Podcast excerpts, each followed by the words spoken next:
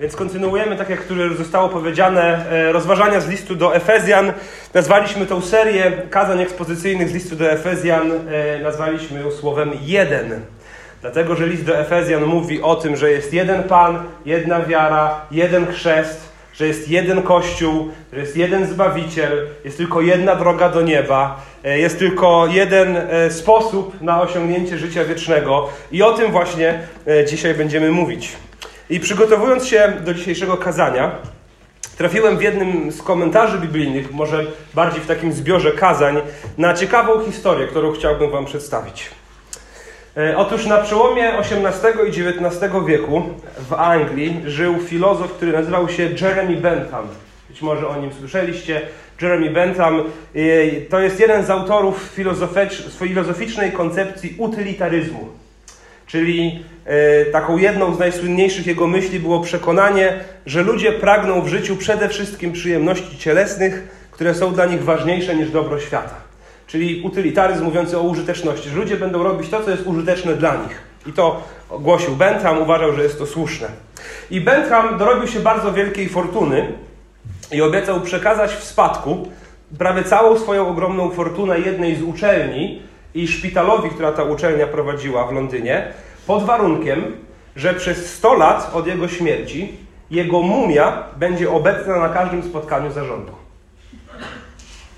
Jakiś taki to był chyba jego żart, czy coś w tym rodzaju. Ale ponieważ fortuna była ogromna, yy, ci zarząd uczelni i szpitala postanowił spełnić jego życzenie. I ci, którzy mieli dopilnować tego, że jego wola będzie realizowana, rzeczywiście dopilnowali tego. I zwłoki Benthama najpierw oddano nauce i lekarze sobie nad nich prowadzili różne eksperymenty, a następnie z jego szkieletu skonstruowano coś, co nazwano autoikoną. Czyli ubierano w prawdziwą odzież tego filozofa, dorobiono woskową głowę i rzeczywiście na każdym uroczystym posiedzeniu zarządu uczelni i szpitala e, wprowadzano tę mumię i odczytywano, gdy sprawdzano kworum przed głosowaniem zarządu, odczytywano formułę Jeremy Bentham, obecny bez prawa głosu. I tak było aż do lat 30. XX wieku. Przez 100 lat wprowadzano go na każde takie spotkanie. I dzisiaj przyjrzymy się fragmentowi, który mówi właśnie o tym, że człowiek w swoim naturalnym stanie jest duchowo martwy, dopóki Bóg w swojej łasce nie ożywi go w Chrystusie. Dopóki to się nie stanie, jesteśmy w tym świecie jak Jeremy Bentham na spotkaniu zarządu obecni, ale bez prawa głosu. Otwórzmy list do Efezjan, rozdział drugi. E, skupimy się na pierwszych dziesięciu wersetach tegoż rozdziału. Fragment bardzo dobrze znany, podejrzewam, że niektórzy pewnie z Was znają go nawet na pamięć. Ale ponieważ ten fragment jest tak bardzo ważny dla wielu z nas, mam nadzieję, że po raz kolejny będziemy mogli złapać trochę nową perspektywę na te wersety. Po raz kolejny będziemy mogli się zachwycić tym, co Pan Bóg nam przekazuje w swoim słowie. Słowem kontekstu przypomnę jeszcze, że y, list do Efezjan został napisany, jak sama nazwa mówi, do Efezjan, czyli do mieszkańców Efezu. E, Kościół w Efezie powstał w 52 roku naszej ery, w czasie trzeciej podróży misyjnej apostoła Pawła.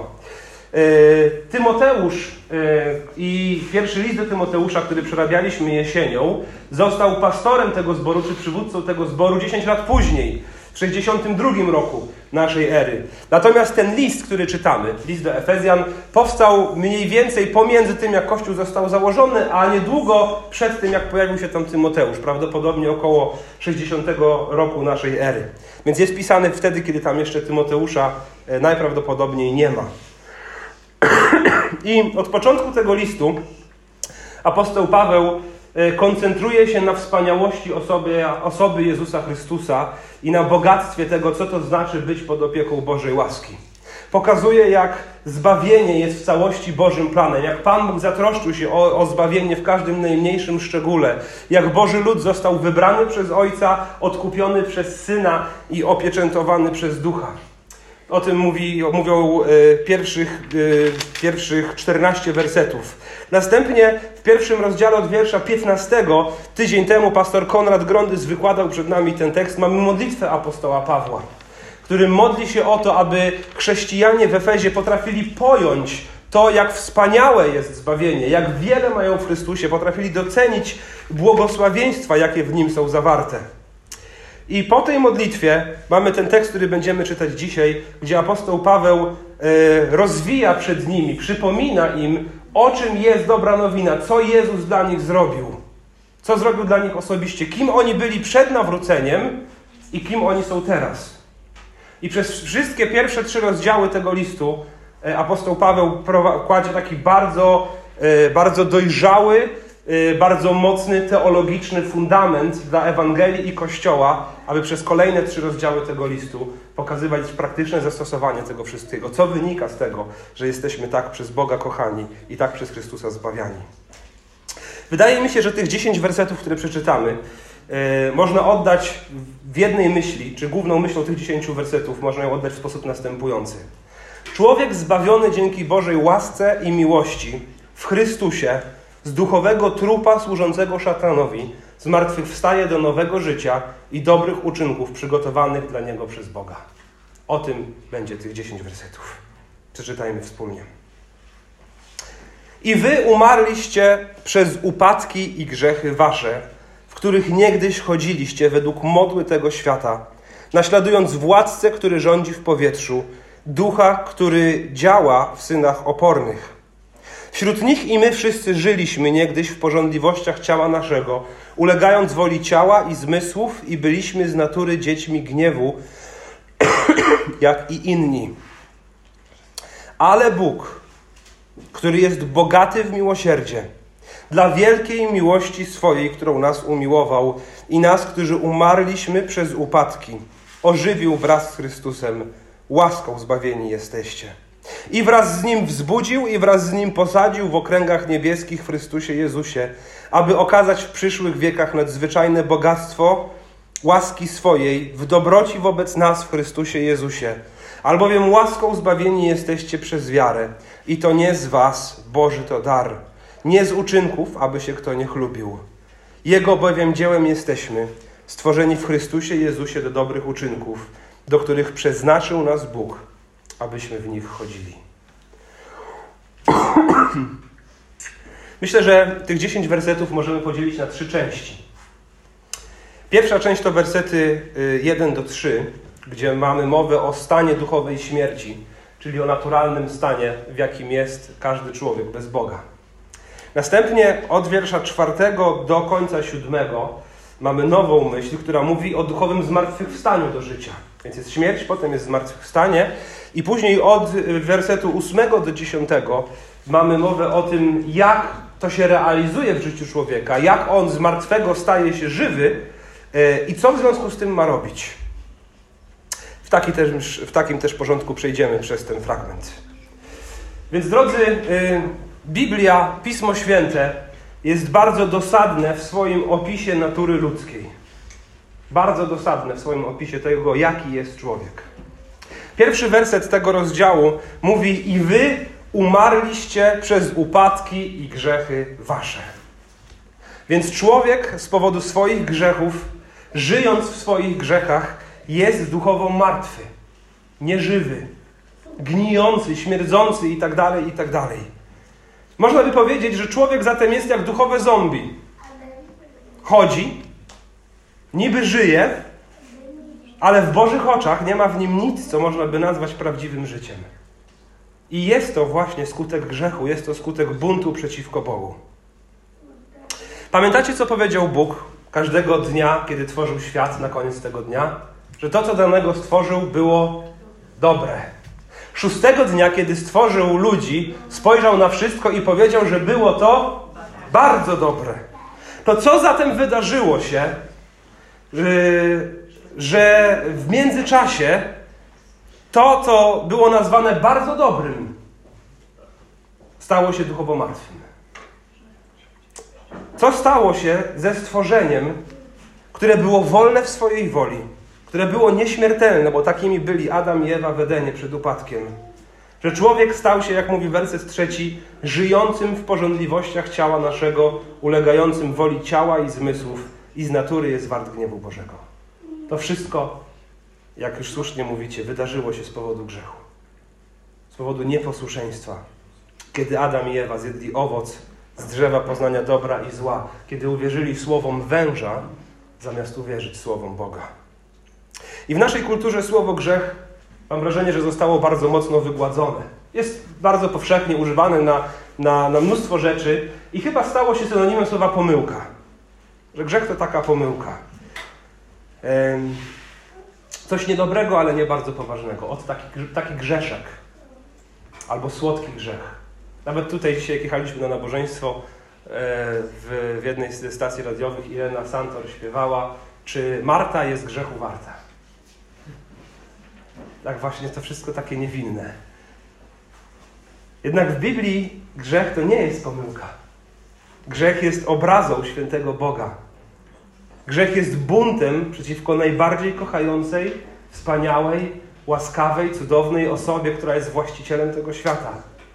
Grzech jest wymierzeniem policzka Bogu i powiedzeniem: wolę słuchać innych, wolę słuchać węża, wolę słuchać siebie niż ciebie. Tym jest grzech. I to właśnie od momentu zjedzenia owocu z drzewa w Edenie zaczęła się lać krew i na świat przyszła śmierć. Więc odpowiadając pani Irenie Santor, nie, Marta nie jest grzechu warta. Grzech nie jest czymś, z, czego, z czym można sobie pogrywać. Grzech jest obrazą świętego Boga. Od momentu pojawienia się grzechu na świecie pojawiło się prawo entropii, czyli prawo, które, jak głosi jeden z artykułów na temat tego prawa, prawo entropii mówi nam, że wszystko we wszechświecie gwiazdy, gorąca herbata, nasza cywilizacja, porządek w pokoju czy ludzkie życie ma początek w określonej strukturze czy wartości, która następnie nieuchronnie zmierza w kierunku chaosu i rozpadu. Prawo entropii pojawiło się wskutek grzechu. I tak też człowiek rzeczywiście z powodu grzechu dąży do rozpadu. Widzimy to w Biblii, że wraz z rozprzestrzenianiem się grzechu, jak biegną dni, miesiące i lata istnienia świata, i grzech również się rozwija, skracają się lata życia człowieka. Pierwsi ludzie potrafili żyć ponad 900 lat. Ale im dalej idzie historia świata, tym coraz krócej ludzie żyją. To życie ludzkie zaczęło się raptownie skracać właśnie wskutek grzechu. Człowiek został skażony aż do głębi. Widzimy to również w przypadku wychowywania dzieci. Widzimy, że rodzą się nam mali barbarzyńcy. Rodzą się rozwścieczeni. Rodzą się rozzłoszczeni. Rodzą się skupieni na sobie. Rodzą się krzyczący niesamowicie. I dziecko bez dobrego i mądrego opiekuna przecież doszłoby do samozagłady. Musimy włożyć mnóstwo wysiłku, aby dzieci ucywilizować, aby dzieci nauczyć zasad, aby dzieci nauczyć szacunku, aby nauczyć troski o innych, aby nauczyć podejmowania dobrych decyzji. To wszystko wymaga ogromnego, ogromnego wysiłku. Jesteśmy tak z moją żoną zmęczeni ucywilizowaniem tej trójki barbarzyńców, którą Pan Bóg nam dał, że jest to naprawdę niesamowite. Ale wszystkie złe rzeczy potrafią robić sami. Sami z siebie, z łatwością. Grzech skaził całą naszą ludzką maturę, maturę naturę. Ale pozostał w nas Boży obraz i podobieństwo. Bo tak zostaliśmy stworzeni. Więc nawet źli ludzie potrafią czynić słuszne rzeczy. Jednak nasza natura na wskroś przeniknięta jest złem. I wy umarliście przez upadki i grzechy wasze, mówi werset pierwszy, a drugi dodaje, w których niegdyś chodziliście według modły tego świata, naśladując władcę, który rządzi w powietrzu, ducha, który działa w synach opornych. Więc czytamy tutaj, że nie tylko ludzie w swoim naturalnym stanie są martwi, bo jest też znacznie więcej w tej martwocie. Paweł mówi: Naśladowaliście władcę, który rządzi w powietrzu, ducha, który teraz działa w synach opornych. O kim to jest mowa? Właśnie o szatanie, właśnie o wężu z Edenu. Biblia mówi o tym, że nie można służyć dwóm panom. I to jest święta racja, ale jednocześnie zawsze komuś służymy zawsze komuś służymy. Jeśli nie jesteś sługą Boga, to jesteś sługą grzechu. Jeśli jesteś, jeśli jesteś sługą grzechu, jesteś sługą samego siebie, sługą zła, ostatecznie sługą szatana. Nie ma żadnej opcji pośrodku. Człowiek albo służy Bogu, albo służy diabłu. I wiele osób, szczególnie młodych, często mówi sobie, wychowywanych w rodzinach chrześcijańskich, mówi: No, ja rozumiem to, co mówi Biblia, ja rozumiem Ewangelię, ale ja chcę sobie pożyć. I jak już tak sobie pożyję, jak już sobie tak doświadczę życia, jak już tak sobie pogrzeszę, to wtedy się wezmę i się nawrócę. Co oznacza, ja chcę być sługą grzechu. Ja chcę robić to, co podoba się szatanowi. Ja chcę znajdować radość w tym, że jestem martwy duchowo, a potem sam siebie ożywię. Jest to absurdalne twierdzenie. Bo żaden trup nie może sam z siebie powstać do życia. Apostoł Paweł w wierszu trzecim mówi, wśród nich i my wszyscy żyliśmy niegdyś w porządliwościach ciała naszego, ulegając woli ciała i zmysłów i byliśmy z natury dziećmi gniewu, jak i inni. Więc Paweł mówi, myśmy wszyscy tak żyli. Z natury byliśmy warci gniewu Bożego. Jeśli popatrzeć na życie apostoła Pawła i to, co on o nim mówi w innych fragmentach Pisma Świętego, to możemy się dowiedzieć, że on żył, wydawałoby się, w sposób bardzo bogobojny. Żył jako faryzeusz, od małego wychowywany w najsurowszym stronnictwie żydowskim. Można by powiedzieć, że co niedzielę od ran, cały dzień spędzał akurat tam co sobotę nie w kościele, ale w synagodze, ale rozumiecie o co chodzi. Pieczołowicie przestrzegał wszystkiego.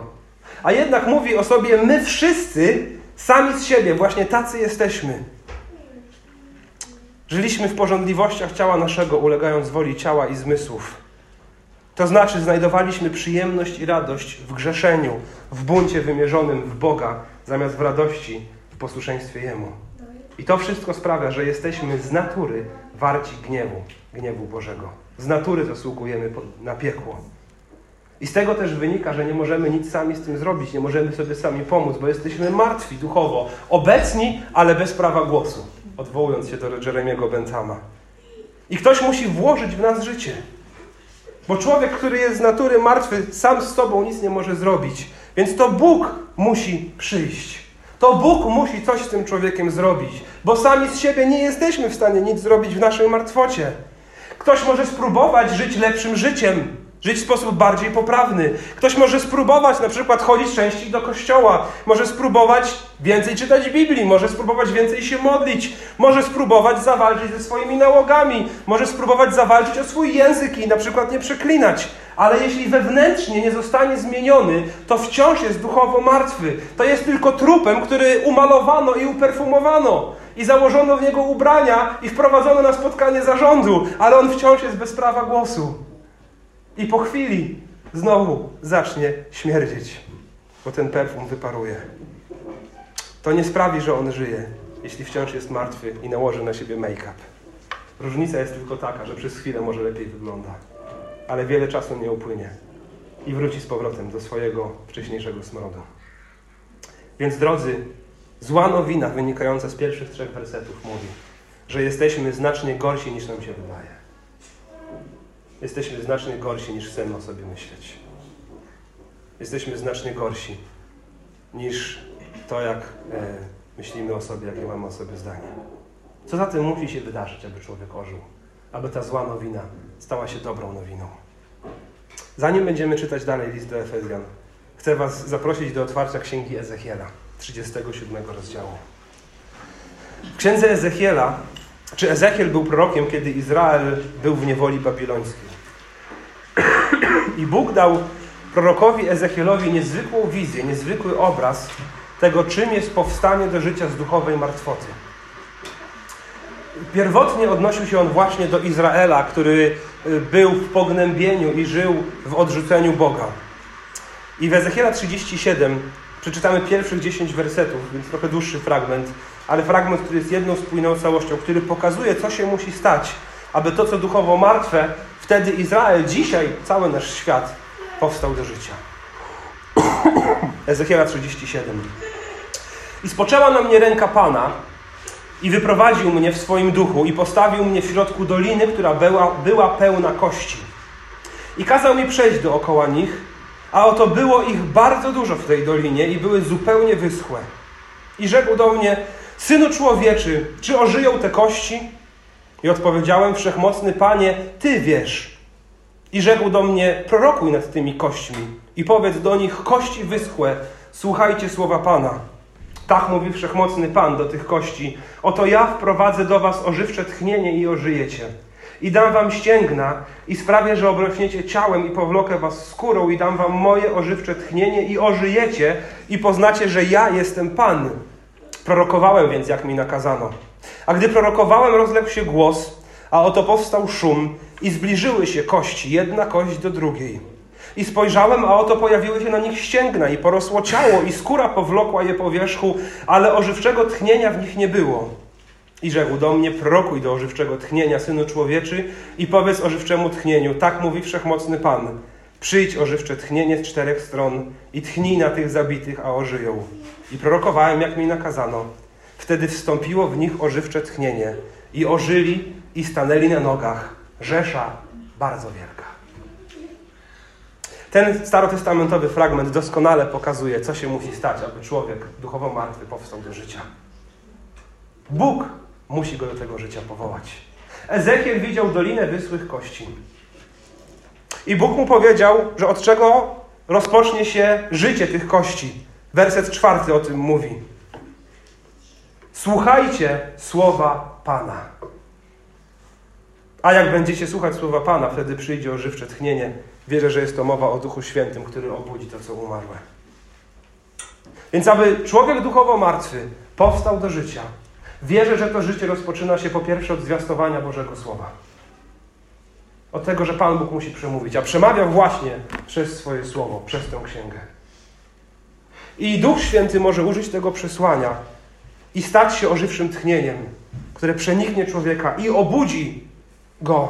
I serce kamienne stanie się sercem mięsistym. I człowiek powstanie do życia i przejrzy, że jest y, grzeszny i zawoła do Boga o zmiłowanie i o ratunek.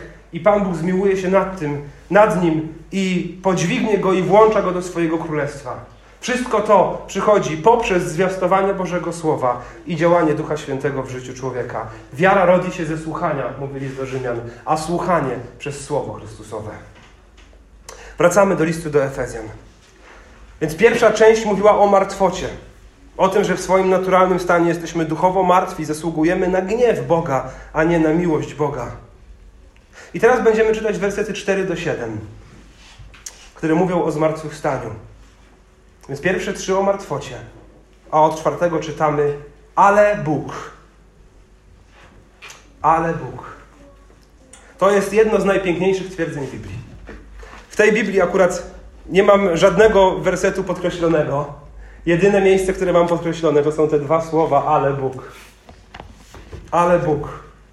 Za każdym razem w zasadzie, kiedy w Biblii pojawia się słowo ale, to wiedz, że coś ważnego tam się będzie działo że coś ważnego poważnie się zmieni. I słowo ale w tym fragmencie jest zdecydowanie najpiękniejszym ale w całej Biblii. Bo posłuchajcie, co dzieje się dalej. Ale Bóg, który jest bogaty w miłosierdzie, dla wielkiej miłości swojej, którą nas umiłował i nas, którzy umarliśmy przez upadki, ożywił wraz z Chrystusem, łaską zbawieni jesteście i wraz z Nim wzbudził i wraz z Nim posadził w okręgach niebieskich w Chrystusie Jezusie, aby okazać w przyszłych wiekach nadzwyczajne bogactwo łaski swojej w dobroci wobec nas w Chrystusie Jezusie. Bóg w swoim miłosierdziu, kierując się swoją miłością, postanowił nas ożywić. Bóg nas pokochał. Swój lud, swoich zbawionych. Pokochał. To zdanie jest tak często je wypowiadamy i może stało się dla nas tak oczywiste. Ale ten fragment naprawdę potrafi wstrząsnąć, kiedy pomyślimy sobie o tym, kogo pokochał Bóg. Bóg pokochał nas martwych, nas zbuntowanych, nas grzesznych, nas zepsutych i On postanowił nas pokochać. Nie z powodu tego, co myśmy zrobili. W ogóle ten fragment właśnie nie mówi w ogóle o naszych dobrych czynach. Postanowił nas pokochać, tak po prostu. Po prostu. Tak zdecydował. Obdarzę was miłością. I wzbudzę was do życia. I to jest właśnie ta dobra nowina. To jest właśnie ta Ewangelia, że Bóg postanowił nas pokochać. I to, że nas pokochał, w ogóle nie wynika z tego, jacy wspaniali my jesteśmy, bo ten fragment mówi tylko o tym, jak straszni my jesteśmy. Sami w sobie nie mamy nic, co mogłoby zasługiwać na Jego miłość. A zatem, chociaż jesteśmy znacznie gorsi niż nam się wydaje, to w Chrystusie Bóg pokochał nas znacznie mocniej, niż zdajemy sobie z tego sprawę. chociaż w Chrystusie, chociaż jesteśmy znacznie gorsi niż nam się wydaje, to Bóg w Chrystusie pokochał nas znacznie mocniej niż zdajemy sobie z tego sprawę. I to jest właśnie łaska. Niczym niezasłużona przychylność ze strony Boga. On nas wzbudził. I tak jak Jezus wraz ze swoimi uczniami, z Marią i Martą stał przy grobie Łazarza nieżyjącego od czterech dni. I dwoma słowami wywołał Łazarza do życia. Powiedział: Łazarzu, wyjdź. I umarły Łazarz po chwili. Wyszedł z grobu. Taki jeśli uwierzyłeś Jezusowi Chrystusowi, Pan Bóg pewnego dnia, motywowany jedynie swoją miłością, zawołał Samuelu, wyjdź. Tomaszu, wyjdź. Michale, wyjdź. Marta, wyjdź. Wyjdź. I chodź do życia. Po co? Chcę, żebyś zasiadł razem ze mną w okręgach niebieskich. Aby okazać w przyszłych wiekach nadzwyczajne bogactwo swojej łaski w dobroci wobec nas Chrystusie Jezusie. Więc po co nas wzbudził do życia? No po to, aby dalej okazywać nam bogactwo swojej łaski i dobroci w Chrystusie Jezusie. To jest niesamowite. Niesamowite. Zobaczcie, ile razy w wersetach 4 do 7 pojawia się mowa o Jezusie. Werset 5. Ożywił nas wraz z Chrystusem. Werset, werset 6. Wraz z Nim wzbudził. Potem wraz z Nim posadził w Chrystusie Jezusie Siódmy werset w dobroci wobec nas w Chrystusie Jezusie. W czterech wersetach pięć razy jest mowa o Chrystusie Jezusie. Bo aby to wszystko było możliwe, to tchnięcie życia, to posadzenie nas na okręgach niebieskich, to aby móc z nami żyć, abyśmy my mogli żyć z Bogiem, rzeczywiście musiała zostać poniesiona tego cena. Chrystus musiał umrzeć. To wszystko jest możliwe, to powstanie do życia jest możliwe tylko dzięki Jezusowi Chrystusowi. Więc drodzy, ten fragment też nas wprowadza znacznie głębiej w zrozumienie tego, co wydarzyło się na krzyżu.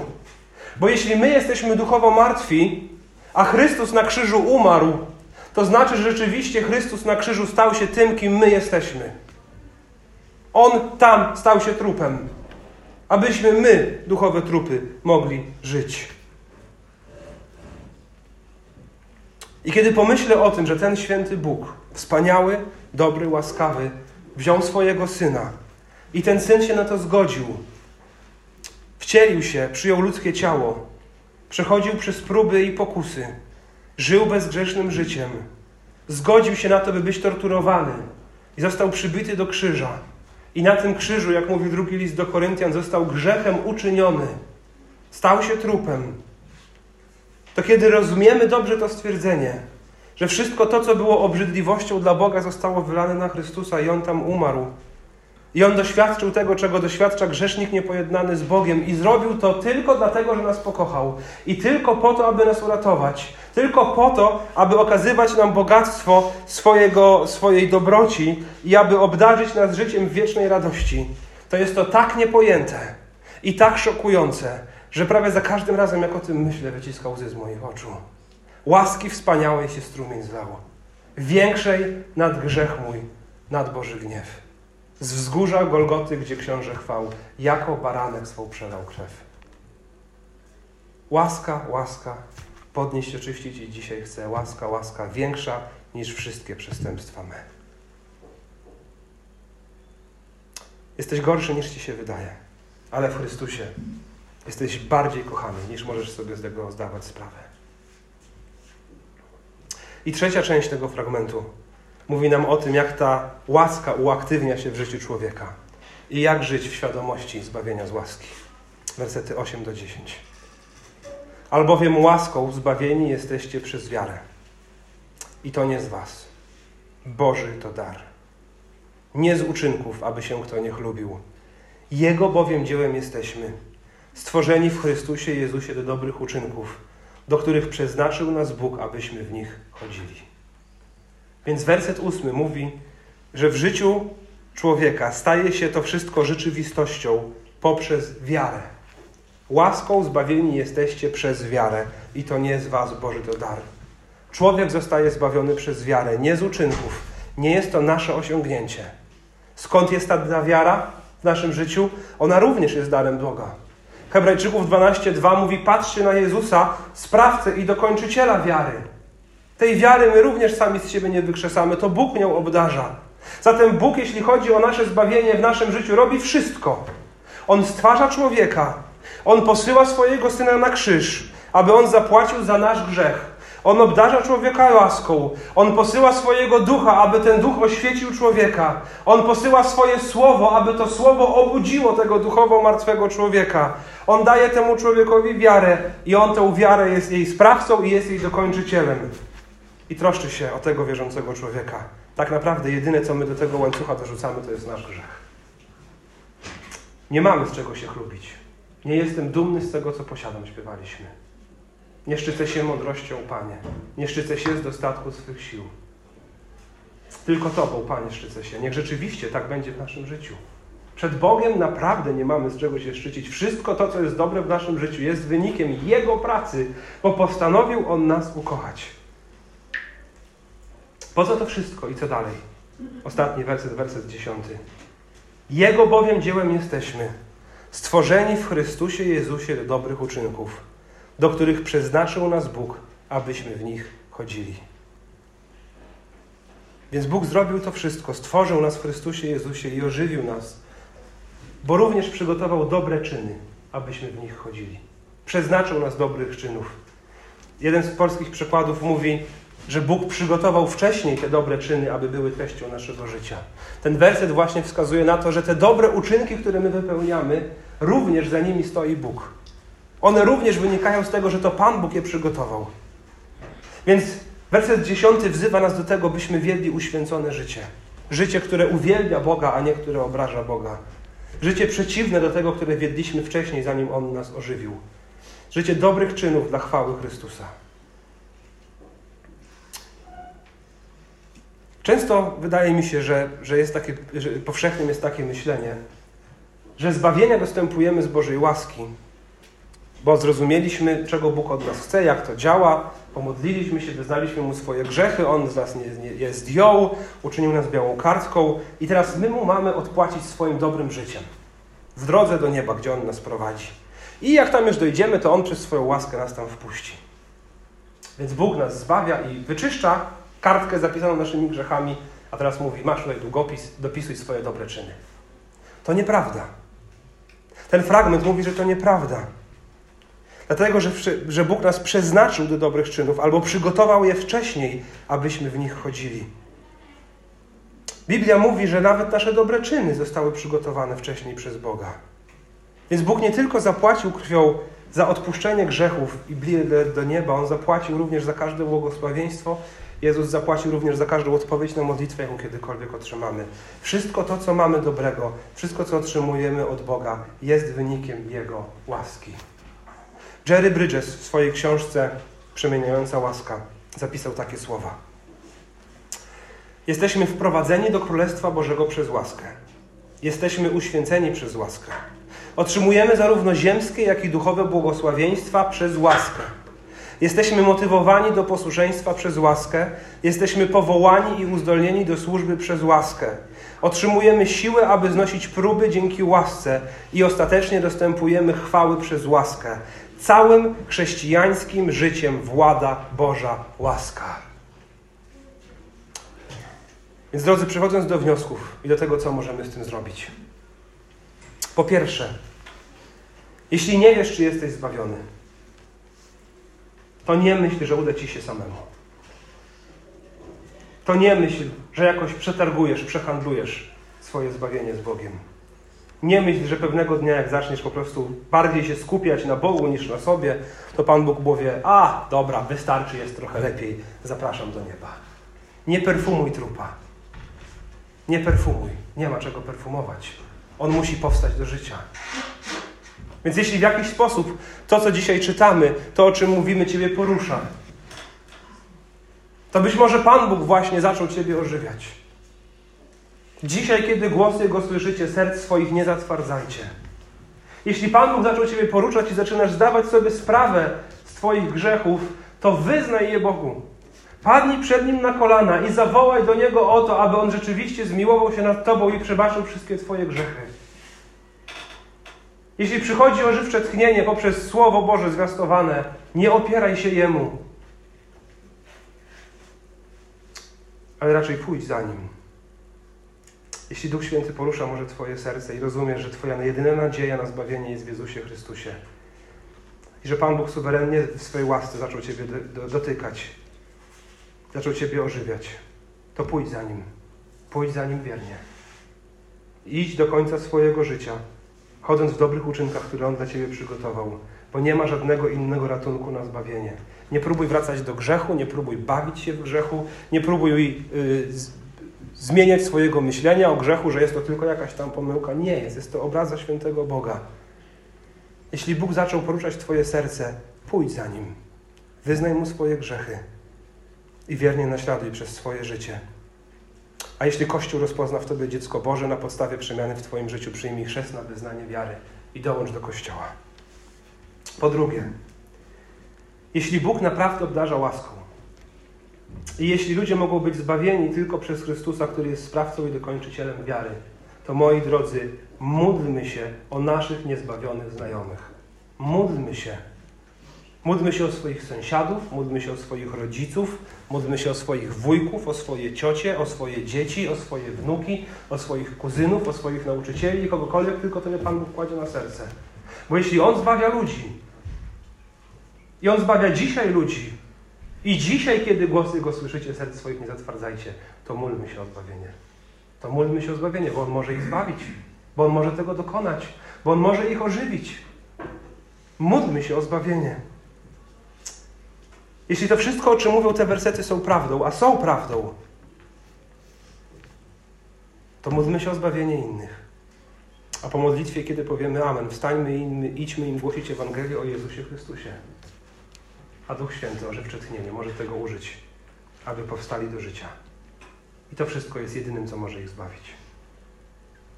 Po trzecie, skoro wszystkie Twoje dobre czyny zostały zaplanowane przez Boga, to dlaczego tak często wzbraniamy się je czynić? Jeśli Bóg przygotował dobre czyny dla naszego życia, to dlaczego tak często wzbraniamy się je czynić?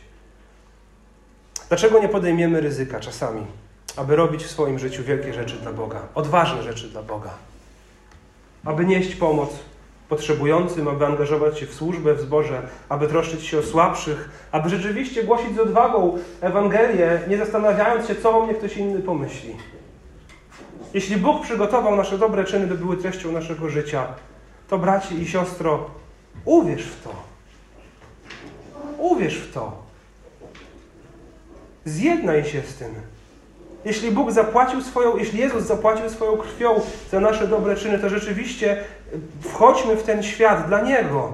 Idźmy i z Bożą pomocą wprowadzajmy Boże Królestwo. Albo niech On przez nas wprowadza Boże Królestwo. Przestańmy się babrać w grzechu, przestańmy się bawić z grzechem i sobie z nim igrać. Chrześcijaninie, chrześcijanko, Bóg Ciebie ożywił i wyrwał z duchowej śmierci, aby ta duchowa śmierć nie definiowała Twojego przeznaczenia, ale po to, aby dobre czyny przez Boga zaplanowane były treścią Twojego życia. Więc świadomi swojej nowej natury, nowego życia i kosztu, jaki został poniesiony, abyśmy powstali do życia, przestańmy bawić się z grzechem, a raczej z odwagą kroczmy przez ten świat. Bóg nas ożywił, abyśmy przestali być obecni, ale bez prawa głosu, a zamiast tego wraz z Chrystusem posadził nas w okręgach niebieskich. To ogromny przywilej. I po czwarte, ostatnie. Drodzy, Niech wdzięczność wypełnia całe nasze życie i niech wdzięczność za krzyż wypełnia każdą naszą modlitwę. Jesteśmy jako chrześcijanie kochani bezgranicznie przez Boga. Nie z powodu tego, co zrobiliśmy, ale dlatego, że On postanowił nas obdarzyć miłością. On dał nam wszystko, co mamy. On pozwala nam żyć dzięki swojej łasce. Uratował nas, abyśmy nie byli zombie, ale abyśmy byli żywymi organizmami dla Jego chwały. Zmienił serca z kamiennych w mięsiste. Dziękujmy Mu. Dziękujmy Mu w każdej naszej modlitwie, bracie i siostro. Uczyń wdzięczność za krzyż, za zbawienie elementem każdej swojej modlitwy. Przestańmy narzekać, przestańmy mamrotać, a zamiast tego żyjmy wdzięcznością dla Boga. Jakże wspaniała jest Jego łaska i cudowna jest Jego miłość względem nas grzesznych, który uczynił nas swoimi dziećmi. Jemu niech będzie chwała na wieki. Amen.